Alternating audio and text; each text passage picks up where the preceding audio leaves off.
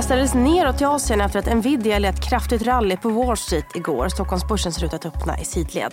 Mitt namn är Ylva Johansson. Här har du det Morgonkoll. Ja, trots de kraftiga uppgångarna på Wall Street igår så är det en mer dämpad stämning på de kinesiska börserna idag. Shanghai-börsen håller sig sidled, Shenzhen-börsen backar en halv procent. Även Hongkong-börsen backar svagt efter att ny data visat att priserna på kinesiska bostäder föll för sjätte månaden i rad.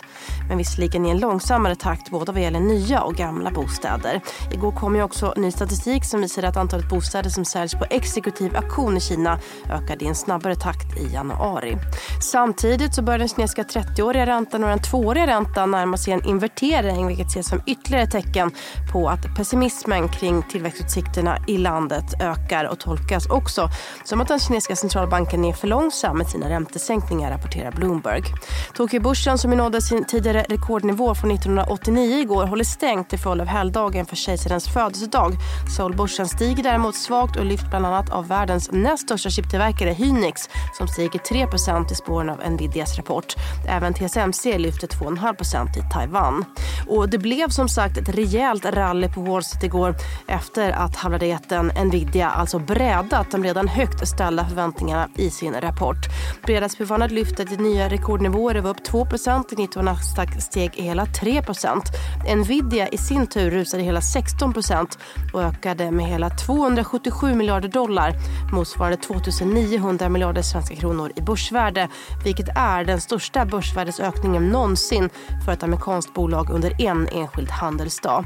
Nvidia drog även med sig flera andra halvledarbolag upp som AMD och Broadcom som rusade 11 respektive 6 Bland de stora techdrakarna så lyfte Meta 4% och Amazon 3,5% Flera elbilstillverkare föll däremot tungt. Rivian rasade 25% efter att bolagets produktionsprognos inte nått upp till förväntan. Även Lucid var ner 17% efter att ha rapporterat lägre intäkter än väntat och Polestar drogs med i fallet och backade 9% Samtidigt så föreslår nu styrelsen i Volvo Cars att knappt 63% av aktierna i elbilstillverkaren Polestar till ett värde om 9,5 miljarder kronor ska delas ut till aktieägarna.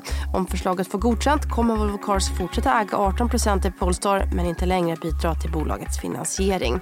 Och en vecka efter beskedet om att den regimkritiske Alexej Navalny dött i ryskt fängelse då inför nu USA sanktioner mot fler än 500 ryskkopplade aktörer som är inblandade i kriget mot Ukraina.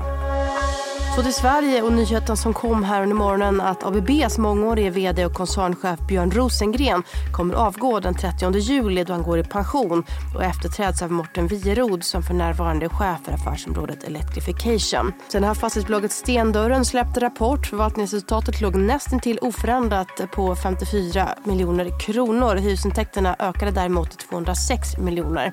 Renewcell skulle också ha släppt rapport idag men skjuter upp den återigen till den 29 februari februari Hör intervjuer med Stendörren och Björn Borgs vd i Börsmorgon som startar klockan 8.45 precis som vanligt. Vi kan väl även nämna att EQT och Kanadas största pensionsfond utvärderar olika strategiska alternativ som inkluderar en potentiell börsnotering efter en försäljning av skolkoncernen Nord Anglia där man är huvudägare och som har värderat till drygt 150 miljarder kronor. Sist så ska vi ta oss ut i rymden för nu så har sonden Odysseus som är ett samarbete mellan NASA och Elon Musk SpaceX landat på månen. Det är den första privata sonden att landa på månen och den första amerikanska farkosten på månen på mer än 50 år. Mitt namn är Ylva Johansson. Du lyssnar på Din Morgonkoll som är tillbaka igen på måndag.